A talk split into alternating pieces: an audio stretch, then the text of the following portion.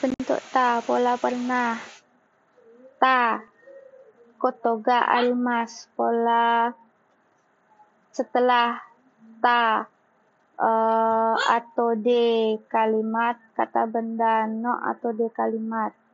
Pola kalau sudah, pola kalau sudah uh, kalimat hilang katara kalimat nailang datara kalimat kata benda datara kalimat. Pola uh, melakukan kegiatan tak berurutan. Kasih, Mas.